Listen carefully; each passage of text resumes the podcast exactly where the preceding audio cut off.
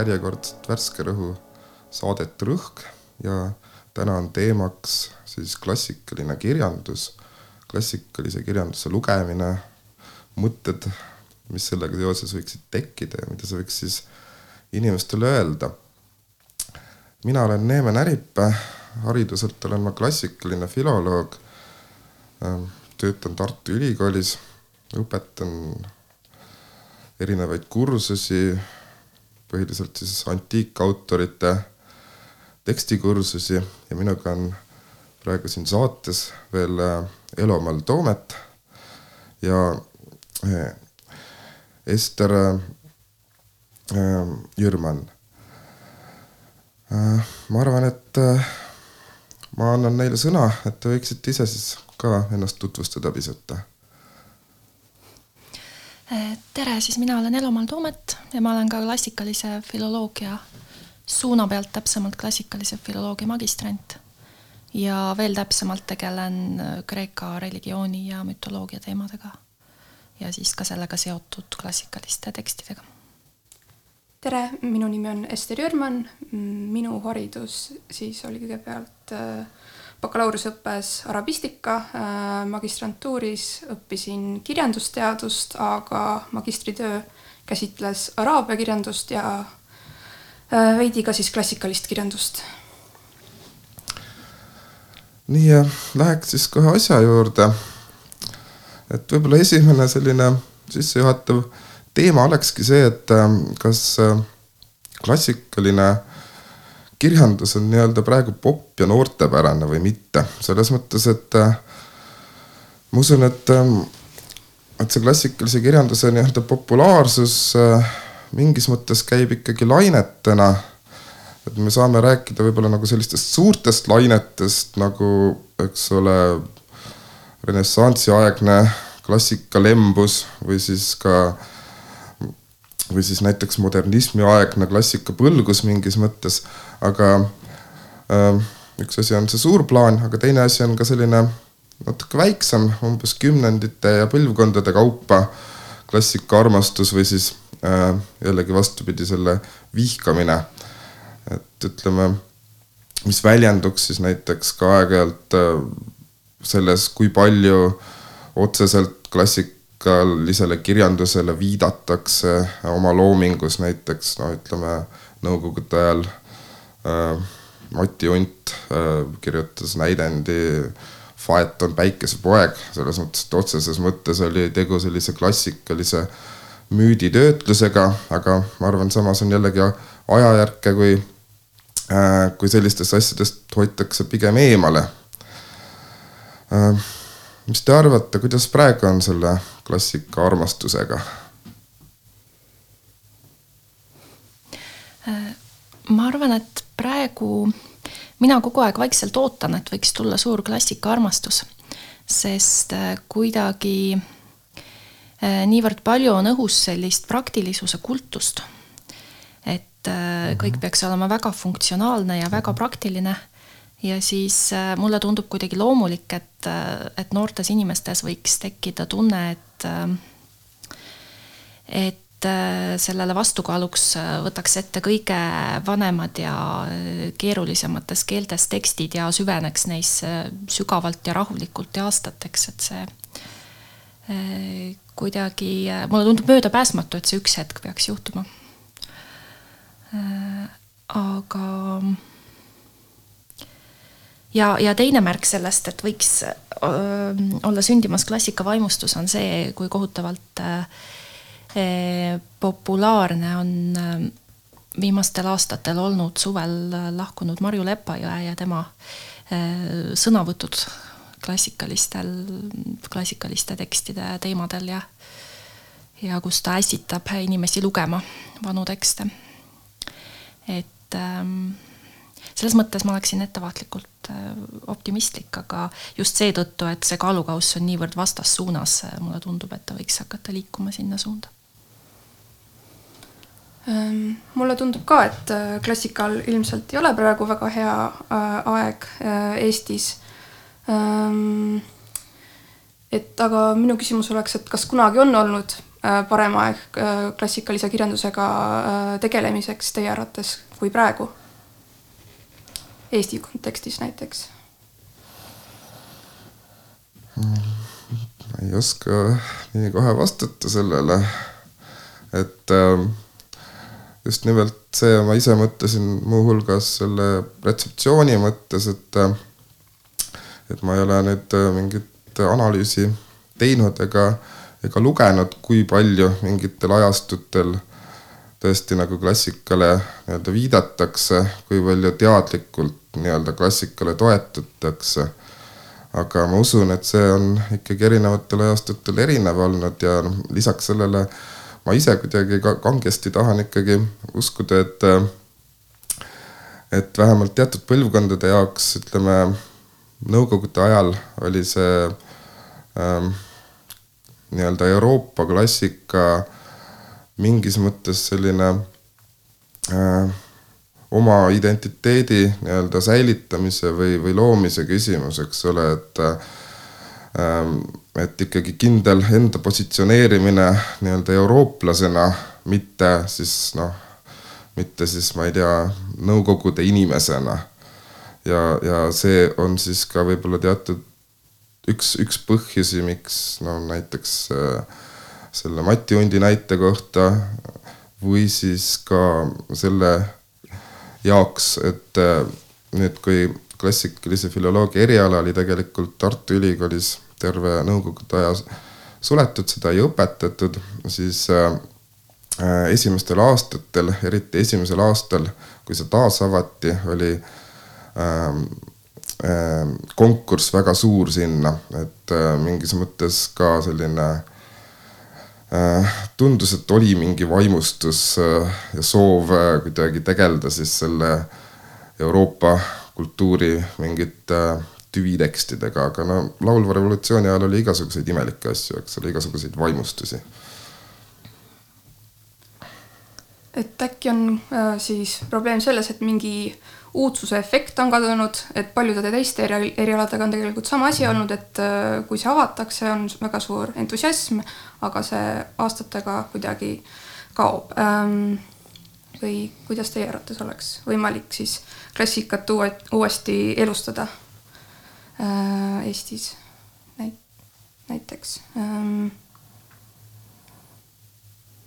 No, ma kardan, et sellised äh, äh, lihtsad ja äh, teadlikud elustamisvõtted har-, harilikult surnute puhul ei tööta, et selleks on vaja erinevat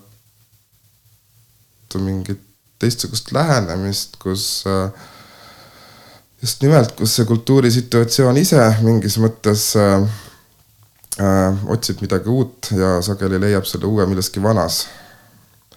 aga tegelikult äh, on mul ka hoopis selline küsimus, et äh, et ikkagi, kuidas selle araabia kirjandusega üldse on, et kas see üldse kunagi on Eestis äh, äh, mingis mõttes äh, populaarsem olnud või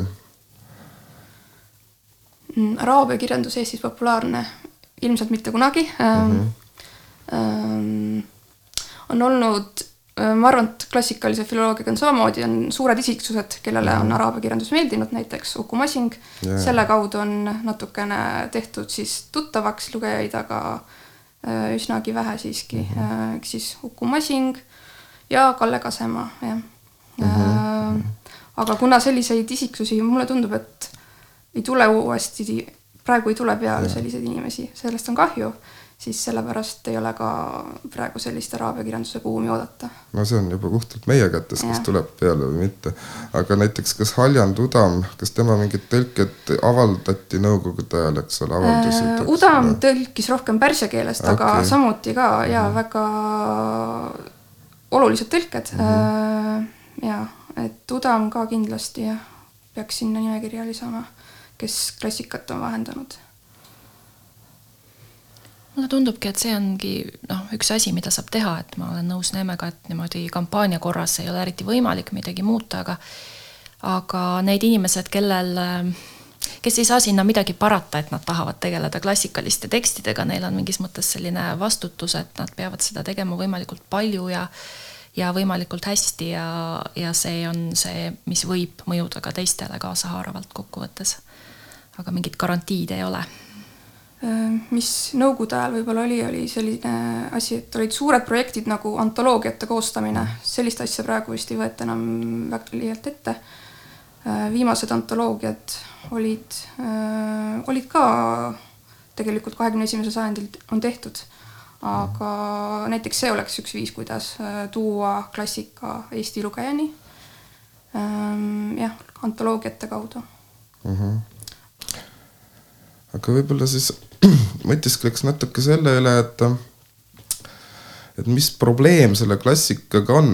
et tegelikult mulle tundub, et äh, see jutt, mis me siin räägime oma nii-öelda erialase, erialaga seotud kirjanduse kohta, see on nagu mingil määral laiendatav praktiliselt igasugusele klassikale, et äh, mitte ainult äh, antiikkirjandus või vana araabia kirjandus, vaid ka kaasa arvatud äh, noh, ma ei tea, renessansiaegne kirjandus või vabalt ka, ka Eesti selline vanem Eesti kirjandus, vanemad Eesti klassikud, mis seal on kindlasti nagu erinevaid aspekte nende kõigi puhul, aga mingis mõttes selline vana, varasema sellise aluseks oleva asja retseptsioon on ikkagi mingil määral sarnane, et on aga et ähm, arutleks nüüd selle üle, et äh, ähm, jah, et mis selle probleem selle klassikaga on, et äh, ma kujutan ette, et äh, seal saab näha nii sellist oma kui võõrast aspekti selle klassika juures. et äh, ühelt poolt äh, noh, näiteks antiigi puhul räägitakse ju kogu aeg, et see on meie Euroopa kultuuri alus ja põhi ja mis iganes ja sellest äh, tulenevalt äh, võiks ju oletada, et äh, see on meile kuidagi eriti kodune, et me sünnist saati saame seda koos emapiimaga, koos regilauluga. Loomulikult on see segatud seal emapiima sees, aga et ähm, et ütleme, kogu see kultuur on sellest läbi imbunud, mingid motiivid ja vihjed ähm, eksisteerivad igal pool. Ähm, ükskõik, mida me kätte võtame peaaegu siinkandis.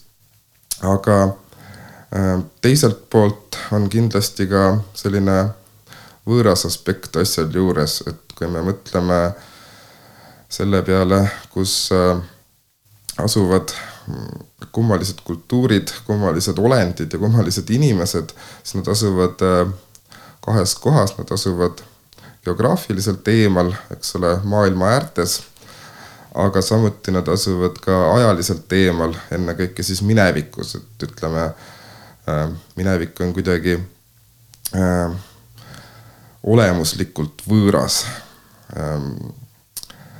ja äh, mis te arvate, kas äh, klassikalise kirjanduse puhul äh, kumb asi siis äh,, kumb pool nendest äh, nagu tooni annab, kumb on teie jaoks Äh, kuidagi tunnetatavam, kas võõras või, või, või hoopis kodune pool? no minu jaoks isiklikult on see kodune pool kindlasti tunnetatavam. aga ma arvan ka, et, et nägu kaasaegse kirjandusegagi näiteks, et see ei ole ka kõik praegu tehtav kuidagi automaatselt oma, et, et samamoodi võib võõras olla mingisugune täiesti äh, moodne romaan, nagu seda on klassikaline kirjandus. Äh, aga võib-olla see on, see on niisugune indiviidipõhine, et äh, mind, minu meelest küll see kirjandus puudutab isiklikult ja kõnetab isiklikult ja see, kui sa konteksti tundes võib-olla leiad sealt mingeid teistsuguseid asju, et see ei tähenda, et see esimene noh, võib-olla emotsionaalne või noh, reaktsioon ütleme kunstiteosele, et see oleks kuidagi vähem adekvaatne, et äh, tundub, et kõik, mis puudutab, see ongi oma. ja, ja teistpidi on see klassikaline kirjandus oma ka ikkagi selles mõttes, et, et mina küll tajun sellist turvalist tagalat, et see on, no ongi mitu tuhat aastat nii intensiivselt kõnetanud ja mõjutanud ja mm, tekitanud reaktsioone mingis traditsioonis, mis on siiani jõudnud, et, et see on seal kogu aeg olemas ja ja see loob mingisuguse tausta, milles ma siis nagu oskan olla et ma seda, ise seda võõra aspekti niivõrd ei taju, aga. Ähm, mina olen palju tajunud seda võõrat aspekti äh, ja minu seisukoht on siis näiteks araabia kirjanduse suhtes, et äh, see on tõesti oma ainult asjatundjatele ähm, ja võõras siis äh, kõigile teistele, kes ei ole asjatundjad. Mm, et ma arvan, et ta saab omaks tõesti aastakümnete aastakümnete jooksul tehtud tööga mm. -hmm. Mm -hmm, selge jah. no mulle ka tundub antiik võib-olla natuke rohkem oma, selles mõttes, et see on selline natuke üllatav äh,, üllatav asi, et äh, et äh, mulle isiklikult tundub näiteks keskaegne kirjandus natukene raskemini ligipääsetav just nimelt kui antiikkirjandus, aga ma arvan, et selles on ilmselt süüdi seesama renessanss ja humanism, mis äh, selle nii-öelda tegid uuesti nii omaks. võib-olla teil on ka see äh, võimalus, et mütoloogia mängib mingit rolli sealjuures. et see on nagu ka midagi ühist Euroopa rahvastel, mis on äh, Kreeka kirjandusest jõudnud meieni mm. -hmm, jah, seda kindlasti jah. no nüüd võiks äh, teha ühe väikese muusikalise pausi. nimelt äh, tegu oleks ka äh, antiikmütoloogia retseptsiooniga kahekümnenda sajandi algusest, kus Hanne Viider laulab sellises saksa kabaree traditsioonis loo Kirkest ja Odüsseusest. Ähm, kuidas äh, Odüsseus satub tema juurde, ähm, joob võluteed ja ähm, jääb selle tõttu sinna aastateks, kuni ta äkitselt avastab, et ta peab minema tagasi oma naise Penelope juurde. aga see lugu on äh, selles mõttes äh, tore retseptsioon, et selles tekstis on konkreetsed viited äh, nüüd äh, ka kaasaegsele kultuurile, kus äh, ja kaasaegsetele tegelastele ja selles mõttes on see mingis mõttes selline elav retseptsioon minu jaoks just. aga kuulame siis laulu. Sie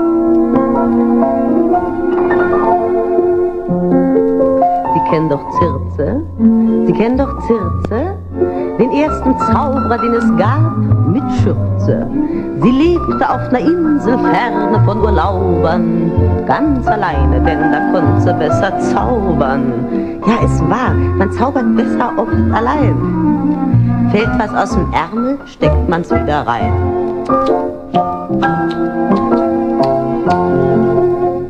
Dasselbe noch einmal für alle, die auf der Schule Griechisch gelernt haben.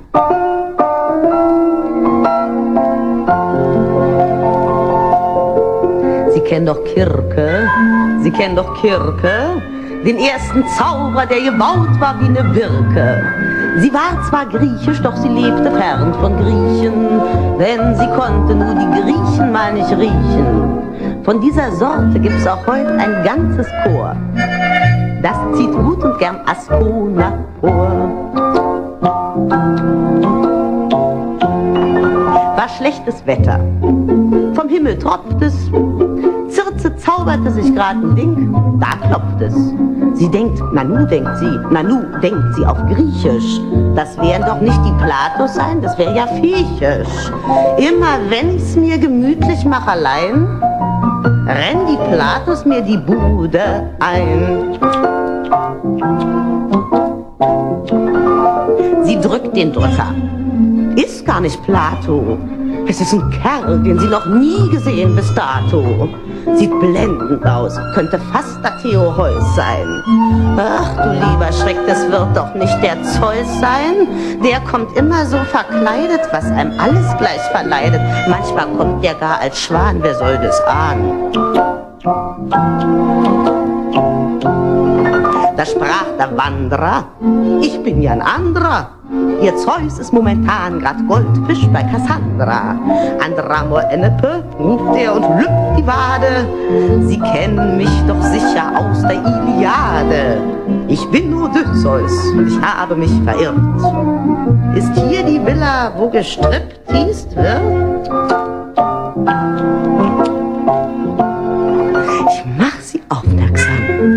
Da die Zirze.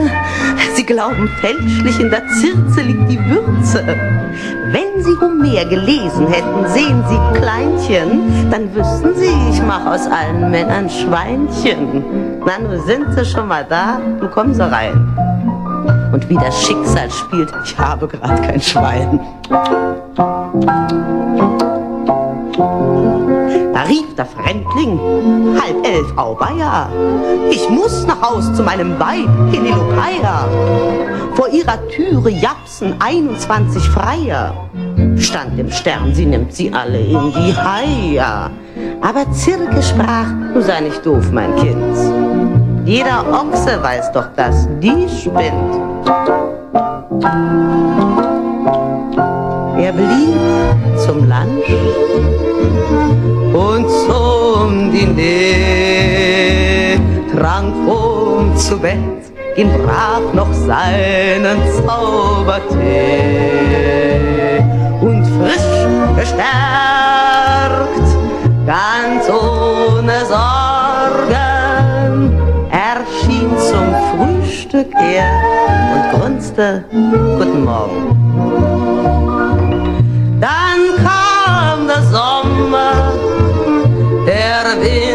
Winter gar. Im Ganzen blieb das Kärtchen, glaub ich, 17 Jahr. Und wurde faul und schlief oft ein. Zu der Zeit war er schon ein ziemlich altes Schwein. Rief er plötzlich, halb zwölf, auweia, ich muss nach Haus zu meinem Weib Penelopeia. Da sprach die Callas, oh, ich meine natürlich Zürze, Naxeus nicht lang mehr warten Würze. Happy End? Nee, Talent, doch füg ich bei. Schwein muss man haben bei der Zauberei. Toi, toi, toi, toi, toi, toi, toi, toi.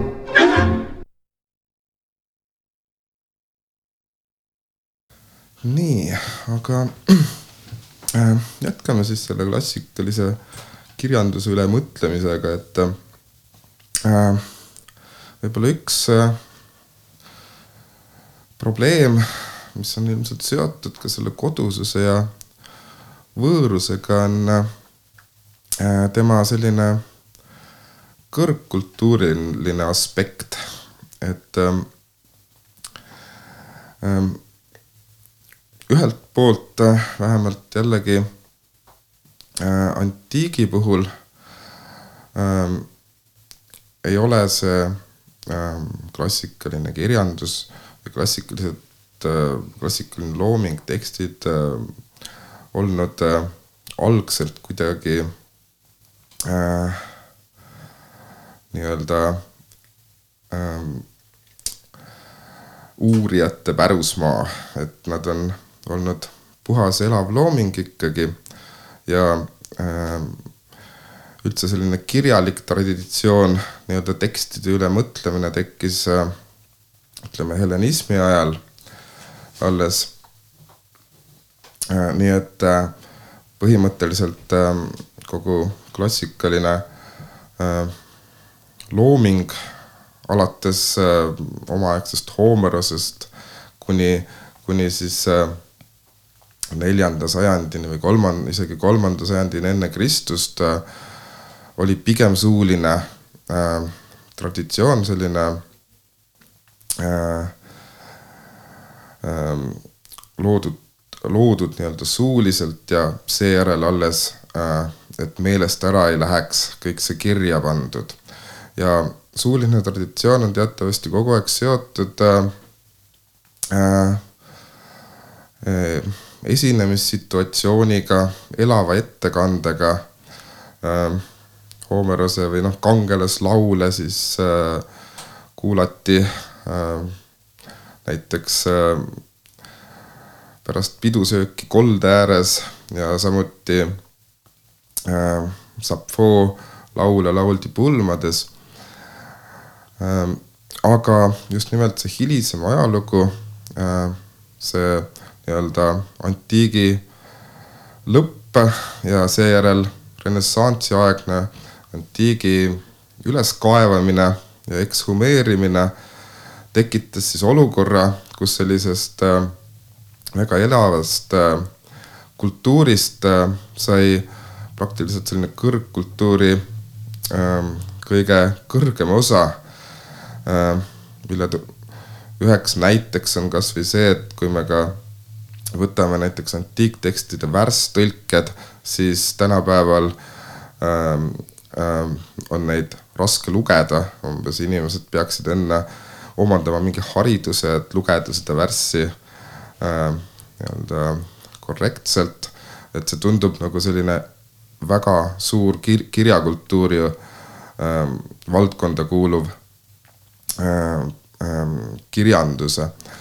aga et mul olekski võib-olla kõigepealt Estrile küsimus, et kas selle araabia kirjanduse puhul saab midagi sarnast näha, et kas araabia kirjandus on ka mingis mõttes saanud äkki, saanud mingi hetk selline vana kirjandus selliseks äh, kõrgkultuuri osaks või mitte?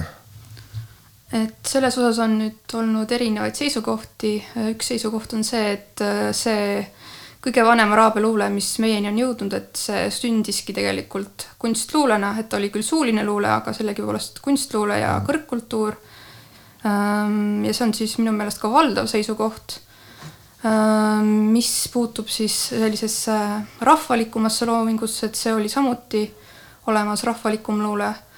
Ehm, samas võib veel öelda, et väga ruttu tegelikult siiski Äh, see suuline luule sai äh, kirja pandud, ütleme, et kui kõige varasem luule on säilinud äh, arvatavasti kuuenda sajandi luuletused, siis juba kaheksandal sajandil olid kirjalikud versioonid olemas. Ähm, muidugi võib rääkida sellest, et selle kahe sajandi jooksul nende luuletustega toimusid mitmesugused muutused, aga sellegipoolest mm, siis võib öelda veel, et seal kaheksandal sajandil väga ruttu ka kujunes välja araabia filoloogia, mis muutus, muutis selle luule samuti selliseks kõrgkultuurseks nähteks, et mitte kunagi ei ole vist olnud sellist perioodi, kui võiks öelda, et et klassikaline luule oleks osa rahvakultuurist aga, aga kas see ähm, ütleme, sa ütlesid, et kaheksandal sajandil äh, kirjutati, eks ole. et äh, kas see oli siis selline, et juba nagu loodigi kirjutades või, või pandi nagu äh, varasemaid asju kirja, selles mõttes, et minu meelest on nagu hästi oluline erinevus see, et kas me äh, nii-öelda loome midagi äh,, mõtleme, kuidas neid sõnu kuskil paberi peal kombineerida või me loome kuidagi niimoodi äh, spontaanselt asju ja siis me pärast paneme kirja lihtsalt, et nad meelest ära ei läheks. Äh, kuna luule oli ähm, araablastele ülimalt oluline, siis neil oli eraldi inimesed, kes pidasid luulet äh, omal mälus meeles, et siis nad oma mälust kirjutasidki ülesse või siis käisid inimeste juures, kes mäletasid luuletusi ja panid kirja Mm -hmm. et see ei olnud kindlasti loomine, ähm, võib öelda, et nendel sajandil oli omamoodi küll võltsimist yeah., ehk siis äh, kirjutati luuletusi, mis äh, väideti siis, et olevat olnud islamieelsest ajast, aga tegelikult mm -hmm. ei ole. aga alati ei ole neid võltsinguid lihtne selgeks teha, et kas on tegu või mitte, sellepärast et nad olid väga osavad võltsingud mm. -hmm.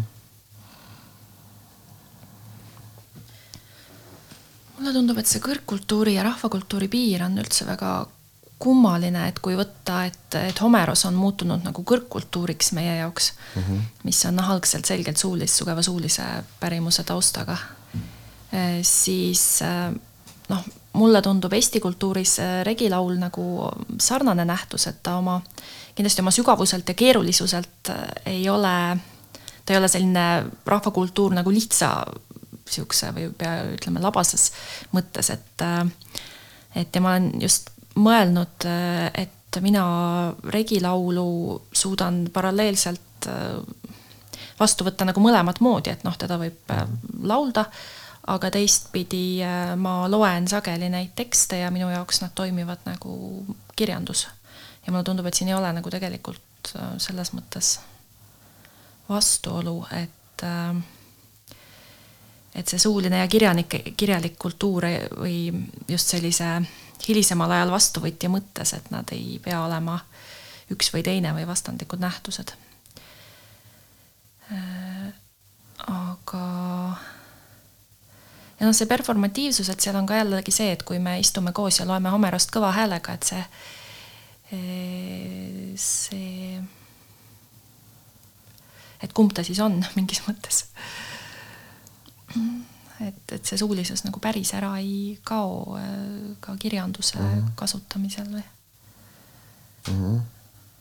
jah, et võib-olla jah, kogu selle äh, omaaegse performatiivsusega seoses võiks ka küsida kohe seda, et ähm, kuidas teile tundub, et kas need antiikaegsed tekstid äh, oleksid äh, tänapäeval täiesti äh, äh, nii-öelda elava kultuurina ettekantavad, selles mõttes, et äh, väga sageli see ettekanne just äh, näitab ära, kas, kas tegu on äh, sellise surnud loominguga, mille ettekanne kande puhul ei teki sellist kunstilist elamust enam või siis on võimalik seda ka tänapäeval äh, väga edukalt ette kanda ja ähm, kuulates äh, ähm, tekib siis selline elav kunstiline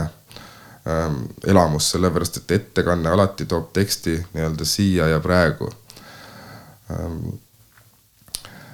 Ähm, ja see, selles osas olekski hästi huvitav kuulda just ka näiteks selle araabia luule kohta, et ähm, kas on araabia, noh, mitte ainult luule, vaid ka proosat kant-, kanti, vähem antiigi puhul oli ka proosa ähm, suulised ettekanded olemas.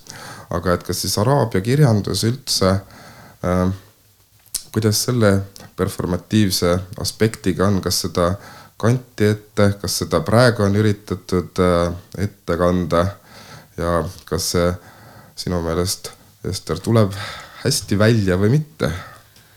Ähm, jah, et ettekanne on ka alati väga oluline olnud äh, araabia luule juures ja üks asi, mida siis äh, publik tahtis alati saada araabia luulest, on näiteks selline asi nagu mingisugune äh, kuulamismõnu, et äh, mm -hmm. sellest nad räägivad ja sellest ka hiljem pikemalt äh,, pikemalt räägivad kirjanduskriitikud, et et äh, nad otsisid sealt mingisugust sellist äh, emotsionaalset äh, kogemust, jah, et ta mhm. jätkuvalt äh, seda ka otsitakse luulest, et ma arvan, et see on jätkuvalt võimalik äh, saada. muidugi, et kas äh, inimene, kes ise nagu äh, araabia luulega ei ole sina peal, et kas tema sellest seda kogemust saab, see on, see ma arvan, et ei ole nii lihtne ja. aga kas praegu ütleme sellised, kas on ka täitsa moodsaid äh, araabia luule, noh, ütleme selle klassikalise või vana araabia luule ettekandeid ja kuidas neid tehakse? ja kindlasti on ja mõnes mõttes äh, võib välja tuua, et isegi see praegune äh, luule on otsene jätk sellest vanast traditsioonist, et nad jätkuvalt õhtul, kui võib-olla eestlane läheks teatrisse, siis nemad läheksid luuleõhtule. Mm. -hmm. et äh, ma arvan küll mm. -hmm. ja Elaval, kas sul on näiteks siis klassikaliste tekstide ettekandmise ja ettekantavuse suhtes mingi oma seisukoht? ma üldiselt arvan, et nad on ettekantavad küll, aga siin tuleb see keele küsimus mängu, et need näiteks lüüriline Kreeka luule, ma olen küll kuulnud mingeid esitusi, kus on püütud seda muusikalist tausta nagu noh, võimalikult autentselt taastada ja ja neid äh, laulda ja väga elamust tekitavalt ilus võib-olla mm. -hmm. aga ma just mõtlen, et kui püüda seda meetrumit eesti keeles edasi anda, siis äh, noh, see on nagu teine, täiesti nagu teine tasand ja, ja antiikluulega on see häda, et noh, neid kaasaegseid kõnelejaid, kes seda otse sellises vormis aru saaks, et see ongi niisugune õpetatud inimeste rõõm juba. Aga samas noh, kui, kui küsimus ei ole arusaamises, et see juba see, see rütm ja kõla kindlasti mingisugust mõju avaldab mm. -hmm. ja võib-olla kui, kui mõelda mitte luulele, vaid mingile no näiteks draamale, et, et äkki ma olen mõelnud mingid keerulisemad äh, tekstid, mis vajaksid konteksti tundmist, et võib-olla seal võib tekkida hoopis mingi uus sihuke absurdi või sürrealismi efekt, kui, kui on mingid asjad, mis äh, algselt ei ole veidrad, aga meile tundub, et see on mingi väga veider tekst. et see võib-olla annab mingi täiesti uue mõõtme mõnikord, aga aga ma ei oska nagu mingeid näiteid tuua, et, et lihtsalt mm -hmm. selline idee. aga näiteks seesama ettekandmine ähm,, kui nüüd äh, mõelda meie äh, kohaliku Eesti publiku peale või noh, nagu äh, mitte, mitte, mitte selle kohaliku publiku peale näiteks Araabia maades või antiigi puhul seda kohalikku publikut nagu eriti ei olegi enam. et kas siis äh, äh, äh, kuidas tundub, et kas äh, seda äh, klassikalist kirjandust äh,, luulet näiteks saaks äh, võimalikult originaalitruult esitada või neid näidendeid või tuleks seda kuidagi modifitseerida, on ka erinevaid äh, variante, eks ole, milles teha siis äh, nii-öelda järeleandmisi, et kas, äh, kas teha, kas võtta näiteks selline originaalilähedane tekst ja teha sellele juurde selline tänapäevane lavastus või siis vastupidi näiteks muuta teksti väga tänapäevaseks, aga inimesed, aga lavastus oleks siis selline vanaaegne mingis mõttes või, või ei peaks midagi tegema või peaks kõike tegema. mis te arvate? Ester näiteks ähm,. et mida hakata pihta ühe araabiakeelse luuletusega, et äh, see oleks kirjandus? jah, et ütleme, kui meil oleks äh, vaja seda praegu siin ähm, mingil üritusel publikule ette kanda, et äh, mida sa teeksid, üks, kas sa näiteks loeksid selle araabia keeles ette või tõlgiksid eesti keelde, kui sa eesti keelde tõlgiksid, kas sa järgiksid näiteks äh, seda oma mingit araabia värsisüsteemi või teeksid talle sellest hoopis mingi eesti värsisüsteemi või kirjutaksid teksti hoopis ümber um...? Et sellel on mitmeid lähenemisi, et kui ta läheks nüüd ettekandmisele, ilmselt oleks vaja sinna teisi spetsialiste juurde, et kes valdavad mm -hmm. Eesti luulet ähm,. et üks asi on, et ma oskan tõlkida, aga see tõlge on siis selline teaduslik mm, -hmm. filoloogiline. sellega võib-olla kuulaja ei oska midagi peale hakata. sa ise oskad ka võib-olla ainult äh, tõdeda, et jah, et see on äh, ilus sõnasõnaline tõlge, aga jah, ma arvan, et oleks vaja ähm, otsida siis Eesti luulest midagi sellist, mis äh, aitaks seda tõlkida mm. -hmm, mm -hmm. Elaval, mida sina teeksid, sa oled ka ise äh, luuletusi kirjutanud äh, ja äh, üritanud ilmselt ka tõlkida äkki antiikluulet, et mida sa oled teinud? Ehm, no mul on, äh, ma püüaks saavutada mingisugust luulelist efekti äh, ilmselt. tõlkides ja, ja sisulist täpsust mingisuguste detailide osas, mis mulle tunduvad olulised, ütleme, kui on tegu epikaga või nojah, või ka lüürikaga, et, et mulle tunduvad need epiteedid või iseloomustavad sõnad hirmus mm -hmm. olulised ja ma kindlasti ei tooks neid värsimõõdu ohvriks. aga ma arvan, et siin ongi nii palju erinevaid võimalusi ja ma ise olen hästi sõnaline inimene, mulle sõna mõjub, seetõttu mind alati huvitab rohkem see, et, et pigem mind huvitaks see võimalikult algselähedane tekst.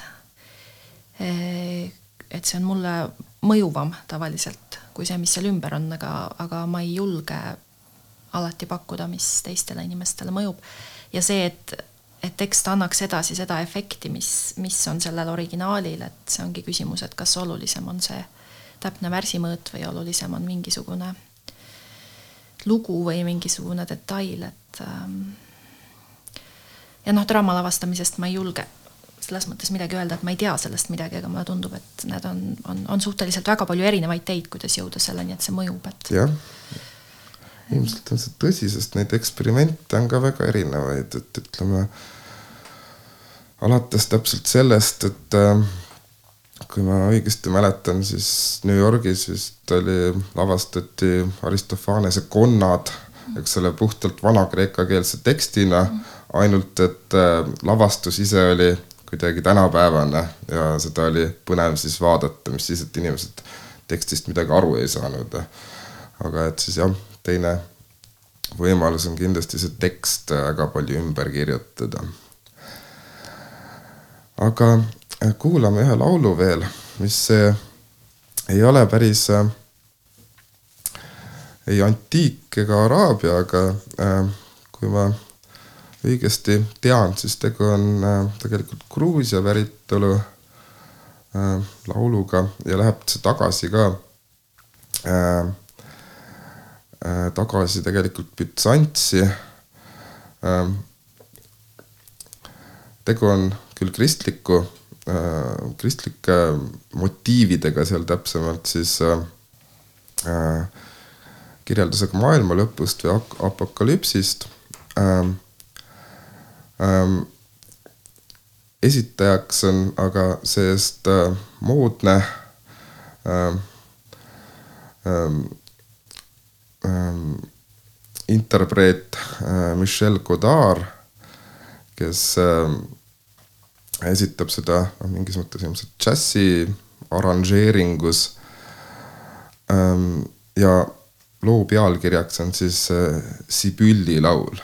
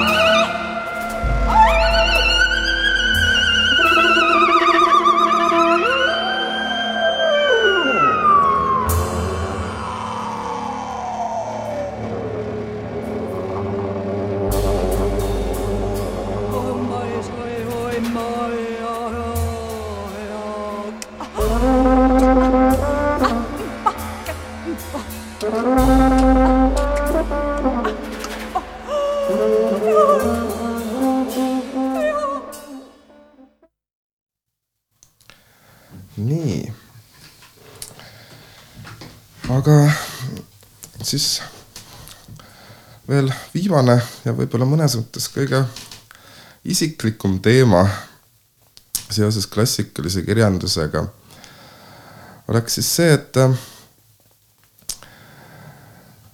et teatavasti klassikaline kirjandus, nagu ka ilmselt hilisem kirjandus, räägib äh, väga paljust sellisest äh, üldinimlikust tunnetest, mõtetest ja probleemidest, mis on äh, täiesti ajastuülesed, eks ole, kui me mõtleme Homerose Iiliase peale, siis seal räägitakse vihast ja sellest sündinud hädadest. Siis äh, Sapfo kirjutab armastusest ja erootikast, mis äh, kõik võiks meile ka väga tuttav olla. Äh, isiklikus plaanis, kõnetada meid äh, kuidagi otse ähm,. saaksime suhestuda selle tekstiga täiesti isiklikult, empaatiliselt ja emotsionaalselt ähm,. aga samas on ka äh, klassikaliste tekstide puhul just selline vastassuunaline liikumine olemas. et äh, inimesed pöörduvad nende poole, et otsida sealt midagi sellist, mida meil siin praegu ei ole. just kas siis mingit äh, muistset tarkust, mingit äh, harmooniat, mis äh, kunagi kusagil kuldajal eksisteeris noh, näiteks kas siis kahekümnenda sajandi keskel või teises pooles äh, pöörduti idamaade poole just nimelt sellepärast, et selline äh, siin ja praegu kultuur ei rahuldanud enam inimesi ähm,. samamoodi siis äh, äh, on, ütleme ka siin lähemal antiigi poole pöördutud näiteks kasvõi mingis esoteerilises diskursuses. sellepärast, et äh, selle järgi on seal olemas selline tõesti muistne tarkus, mis ei aita ainult kulda teha, vaid ka võib-olla väga palju muud siin elus. Ähm, ja äh, mis teie arvate sellest, Elamal näiteks, et kas sina suudad suhestuda päris isiklikult nende tekstidega või äh, otsid sa sealt sellist äh, midagi teistsugust alternatiivi tänapäevale äh,? ja kumba sa rohkem teed näiteks? No ma jälle arvan, et ma suudan suhestuda mm. -hmm. et kindlasti seal on, äh, aga on see üldinimlik äh, osa minu jaoks nagu tugevam äh, aga samas ma jälle ei näe ka suurt vastuolu, et ähm, et kui inimesed otsivad mingisugust, ütleme, ajatut mõõdet, mis on nende mm -hmm. argielust puudu, siis see on ka juba niisugune ülgi, üldinimlik vajadus sellise ajatu mõõtme järele, et yeah. Et see mingis mõttes ei ole nagu selline noh, äh, võõra või, või teise otsing äh, täiesti. aga mulle küll tundub ja, ja kuna mind huvitavad need mütoloogiaga seotud tekstid, siis äh, seal on ka näha, et nad kerkivad ka igasugustes kultuurikihtides kogu aeg jõuliselt esile. ja mulle tundub, et, et see on just nimelt sellepärast, et, et see on selline hea, hea viis kõnelda asjadest, mis inimesed oma isiklikus elus tunnevad ja milleks nad otsivad tööriistu, mille kaudu neid väljendada. ja Äh. jah, et, äh, et mina kalduksin rohkem sinnapoole, et see üldin-, üldinimlik mõõde on äh, kõige olulisem mm. -hmm. jah, sest mingis mõttes on ka jah, kogu aeg need äh, täiesti tajutavad need mõlemad mõõtmed, et näiteks seesama ajatu mõõde äh,, sa meie jutu alguses mainisid Marju Lepajõed ja minu arust Marju Lepajõe on see, noh, oli selline kehastunud ajatu mõõde põhimõtteliselt. aga samas jällegi äh, näiteks ka antiikmütoloogia puhul minu meelest äh, väga paljud rõõmustavad selle ajalise mõõtme üle, selle üle, et jumalad samamoodi ähm, äh, ma ei ma ei tea, petavad ja, ja teevad igasuguseid sigadusi ja, ja tekib selline lähedus kõige sellega. aga Ester, kuidas Araabiaga on? jah, kui nüüd natuke üldistada, siis üldiselt jah ähm,, idakirjandusest on ikka mindud otsima äh, kas siis eksootikat või mingisugust vaimsust ähm,. ja väga tihti siis seda vaimsust ei leita äh,. eksootika muutub ka lõpuks natukene ära leedutuks ja võib-olla tundub, et ei olegi eksootiline mm. -hmm. Siis veel on otsitud religioosset tunnetust äh,. mida ma ise olen leidnud, võib-olla on äh, seda, et araablased on sõnadega väga ähm, loovalt ringi käinud läbi aegade mm, -hmm. et võib leida teistsugust kujutlust, mingisugust loovust. Ähm, jah, ja sellist poeetilist fantaasiat võib leida.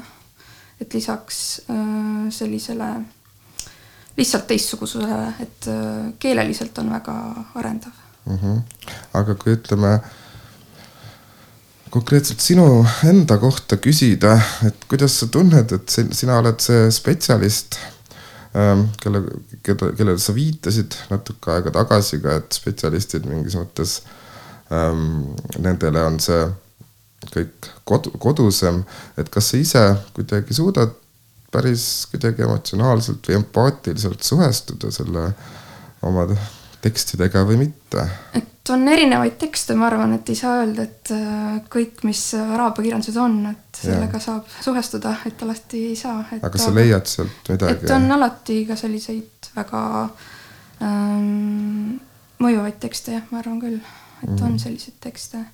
aga see on jälle väga selline isiklik äh, mõõde sealjuures mm. -hmm.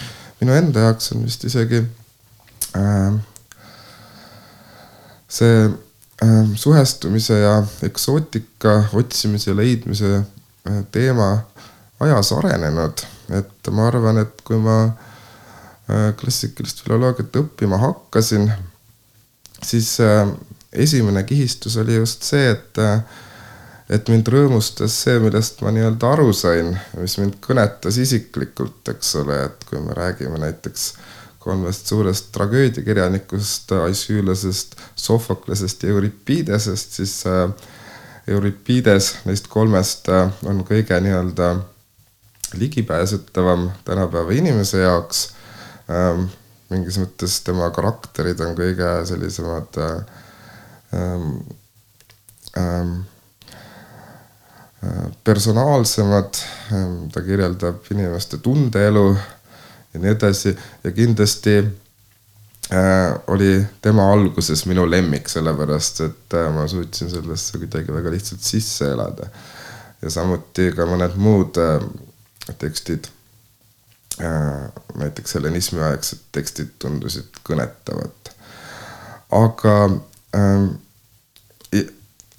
mida aeg edasi, seda rohkem ma olen avastanud enda jaoks tegelikult seda eksootilisust ja võ võõrust just nimelt, sellepärast et äh, alguses kuidagi äh, ma arvan, et ma lükkasin selle kõrvale lihtsalt, millest ma aru ei saanud, sellele ma ei mõelnud. aga et mida rohkem sellega tegeleda, seda rohkem sa kuidagi avastad seda, et on võimalik nagu teistmoodi mõelda või tunda ja selles mõttes ma arvan, et äh, ma ei saa öelda, et need, see teistsugusus oleks mulle omaseks saanud, aga et ma olen hakanud seda nägema ja ilmselt kõrgemalt hindama lihtsalt. võib-olla ma ei ole sinna jõudnud veel.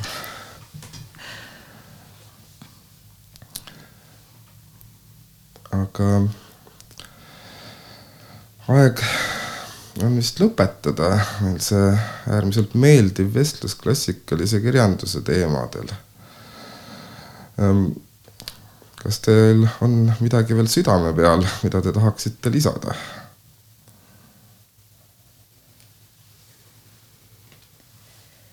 sai vist südame pealt ära öeldud olulisem, et, et või siis oleks veel, veel kümne tunni jagu, et tuleb, tuleb kuskile piir tõmmata mm. -hmm jah, minu poolt samuti, et ma arvan, et klassikast võib alati leida midagi, mis äh, on jätkuvalt kõnekas, et ähm, ja pakub eeskuju. nii, aga aitäh, et te kuulasite meie mõtisklusi klassikalistest tekstidest.